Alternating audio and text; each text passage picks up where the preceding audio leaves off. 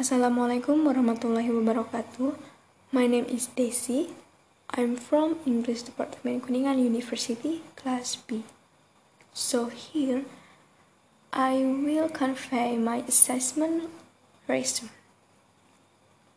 The first three news items brought by broadcaster discussed the general election that were currently taking place as across the country. A very important vote that changed dramatically about the country developing in the coming years.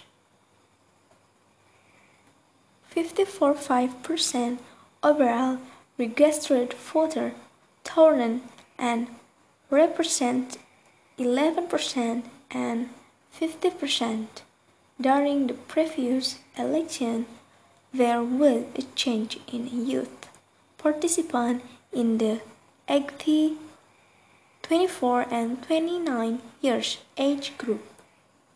But this increase was better than that of 84% of parents aged 70 voters.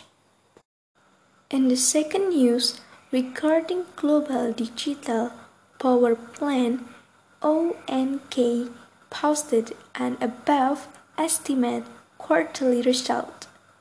In March, the CEO polling team has warned of gains over Concurs that it would hurt the recall of its flagship product, the 40T device.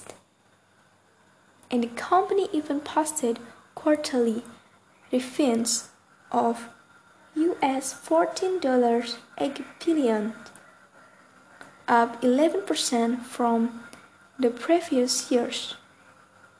The company has provided information that there will be a gross margin of 34 until 35 percent, which will result in a cash dividend of US $1.20 per share that has been awarded to three shareholders.